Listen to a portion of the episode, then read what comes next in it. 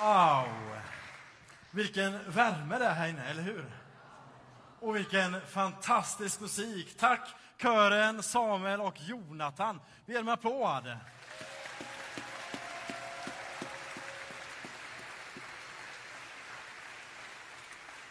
Jag, eh, jag funderade idag på om jag skulle välja den svarta eller den blåa prästskjortan. Och det är nätt och jämnt att jag klarar mig med den blåa. Om jag håller in mina armbågar så tror jag att jag överlever med den blåa fortfarande. Livet innehåller en del dilemman, fler än att välja färg på prästskjorta så att inte svetten ska synas för en fullsatt kyrka. Och jag tänkte lyfta fram ett sånt dilemma och tänkte fråga er om ni känner igen er i den här känslan. Att man ser fram emot någonting jättemycket och sen när man är där så känner man, var det inte mer än så här? Var detta allt? Jag som längtade så mycket efter julafton, och det gör jag fortfarande, men när jag kommer dit så är det inte samma grej som när jag var liten. Och det verkar vara ett dilemma som vi många kämpar med på olika sätt. Två diken.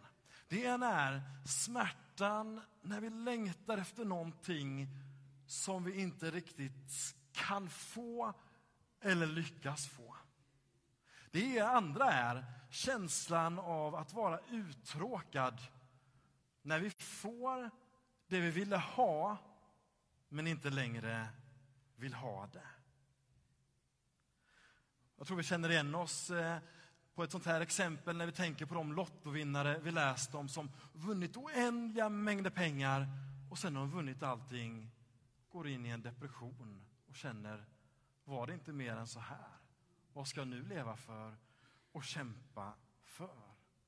Jag tror att vara människa tror jag snarare handlar om att leva i spänningen mellan de här två dikena. Ena diket att leva i smärta av att jag får inte det jag vill ha. Det andra diket, det jag har, det vill jag inte ha. Men tänk om vi kan öva upp vår förmåga att leva i spänningen däremellan och stimuleras av det. Redan och ännu inte. Och vad menar jag med det? Behåll de här två dikena. En del vill bara ha det de inte vill ha och andra vill inte ha det de har för de är på väg att förlora det. Håll de två dikena medan jag nu fortsätter med att ge ett exempel på spänningen att leva däremellan. För länge sedan utbildade jag mig till att bli överlevnadsinstruktör och höll då en del överlevnadskurser. Då tog jag med ett gäng människor ut i skogen och de fick inte äta någonting under hela helgen. Från fredag till söndag förutom björkknoppar och den här insidan av tallbarken. Och man skrapar bort det här grova bruna och innan man kommer in till stammen och bara tar det där liksom tunna fina där. Det fick de äta. Och så hade de med sig en kåsa, en kniv, en presenning och ett liggunderlag mitt i februari under minusgrader. Och så skulle de överleva där genom att värma sten i elden och lägga sten vid fötterna, skrev och armhåla för att hålla värme i minusgraderna. Och så vaknade de huttrande efter två och en halv timme och var tvungna att fylla på med ny sten. Och då brukar jag göra så att sista kvällen så kom jag till det här gänget. Ofta killar i 18 till 20 års åldern. Och så gav jag dem var och en en liten, en ruta chokladbit. De var och en fick varsin ruta chokladbit efter att de inte ätit på två dygn. Och sen gick jag ut ur kåtan som de satt i med sin eld och så tjuvlyssnade jag på konversationen där inne. Och fick väldigt ofta höra konversationer i stil med, tänk då detta, 18-20-åriga killar som säger om den här chokladbiten, wow, det här är nog den finaste presenten jag någonsin fått. Och någon annan sa, alltså jag känner att jag vill börja gråta och det är som att jag vill spara den här chokladbiten och behålla den så jag kan titta på den även i framtiden. Och någon annan smakar på den och sa att det här är det godaste jag någonsin ätit. Och när jag stod där utanför och tjuvlyssnade så tänkte jag, det här måste jag hålla en predikan om. Idag är det pingstdagen då vi som kyrka firar att anden kom ner till oss människor och mötte oss med Guds närvaro som en försmak av det kommande. Och när jag stod där och tjuvlyssnade på de här killarna så började jag tänka på just den heliga anden som vill komma till var och en av oss, fylla oss med sin kraft och låta oss i vårt inre få en försmak av det himmelska. För anledningen till att de här 18-åriga killarna började gråta där i den här kåtan, det var ju inte att jag, Johannes, hade varit sådär supersnäll helt plötsligt. Utan det var ju att de fick en smak om det som väntade på dem där hemma. De fick en smak av det som var på väg att komma och de fick en bild av framtiden och började bära på den framtiden redan här och redan nu. Och när vi idag firar pingstdagen, andens utgjutande, så är det något av en liknande grej.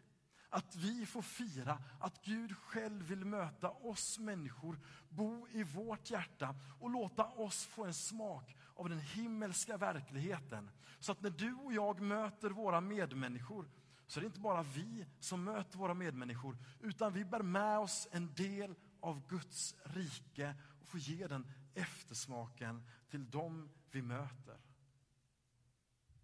Och för att då komma tillbaks till den här spänningen mellan de här två dikena, redan nu och ännu inte. Stimulansen däremellan. Så tror jag att det är en nyttig stimulans att bära med sig i våra relationer, i våra jobb, på vår fritid, i vår gudsrelation.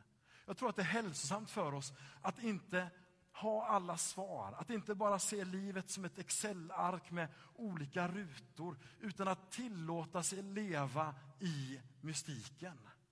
I sina relationer, i sina vänskapsrelationer, när det gäller sitt jobb och när det gäller sin gudsrelation. Att leva i det där att vi smakar på någonting som vi ännu inte helt känner på fullt ut, men som lockar oss och vill ge oss lite mer. Inte riktigt hela kakan på en gång, men det väcker någonting inom oss. I vår västerländska kultur så har vi ofta gjort Gud som ett objekt som vi kan betrakta, tycka till om, skriva om, ha åsikter om, bedöma. Men i Bibelns kultur så var Gud mer av ett vara. En person som man deltog i, som en kärlekens dans. Fram till senmedeltiden så var Gud den som är, det absoluta varat och allt annat i skapelsen bjöds in till att leva i den mystiken.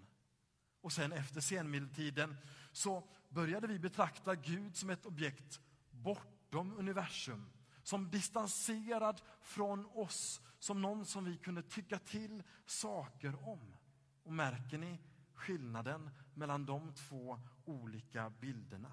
Och man började efter senmedeltiden tänka att Gud liksom kom in i världen och talade mänskliga ord istället för att Gud redan är i världen tillsammans med dig och med mig. Så om Gud bara blir ett objekt som vi liksom strävar efter, då tror jag att risken är att vi känner precis något av de här två dikena. Smärtan av att inte nå fram, eller känslan av, var det inte mer än så här? Men om vi istället slutar betrakta Gud som någonting långt där borta bara, utan istället tänker att Gud är någon som vi får leva med, älska, brottas med, stimuleras av just här och nu, då tror jag att vi kan finna en lycka i det. Att det kan ge spänning i vardagen, ge mening. Och Jag tror att vi kan applicera detta, som sagt, även i våra relationer. När det gäller vårt jobb, vår gudsrelation, vårt liv i övrigt, vad som ger mening. Att inte tänka att vi bara måste ha alla svar, utan tillåta mystiken att finnas där och att locka oss. Lite grann som den här chokladbiten i kåtan på överlevnadskursen med de här 18-20-åriga killarna. Och Jag tror också att det var någonting sånt som gjorde att gospelmusiken föddes bland slavarna. Trots förfärliga levnadsvillkor, trots lidande, så kunde de ana någonting större. Och de lät det där något större bli en del av deras liv redan nu. Som de anade skulle bli mer av i framtiden. Och de lät sig dansa med i den kärlekens dans som Gud inbjuder oss alla att vara en del av. Låt oss be. Gud, vi tackar dig att vi idag får vara samlade på den här pingstdagen och sjunga gospel tillsammans. Tack för vad du vill göra i våra liv och tack för att du ser var och en av oss. Vi ber, kom med din heliga Ande och möt oss där vi är, i våra dilemman, i våra brottningskamper mellan att sträva efter det vi inte kan få och att undra, var det inte mer än så här? Lär oss att leva i mystiken, det som vi inte helt och fullt kan sätta ord på, det som ger spänning och det som ger mening. Bjud in oss i din kärlekens dans och hjälp oss att delta i dig som det stora varat. Och lär oss också att applicera det på andra områden i livet. Vi ber Gud, kom och fyll oss var och en med dig. I Jesu namn. Amen.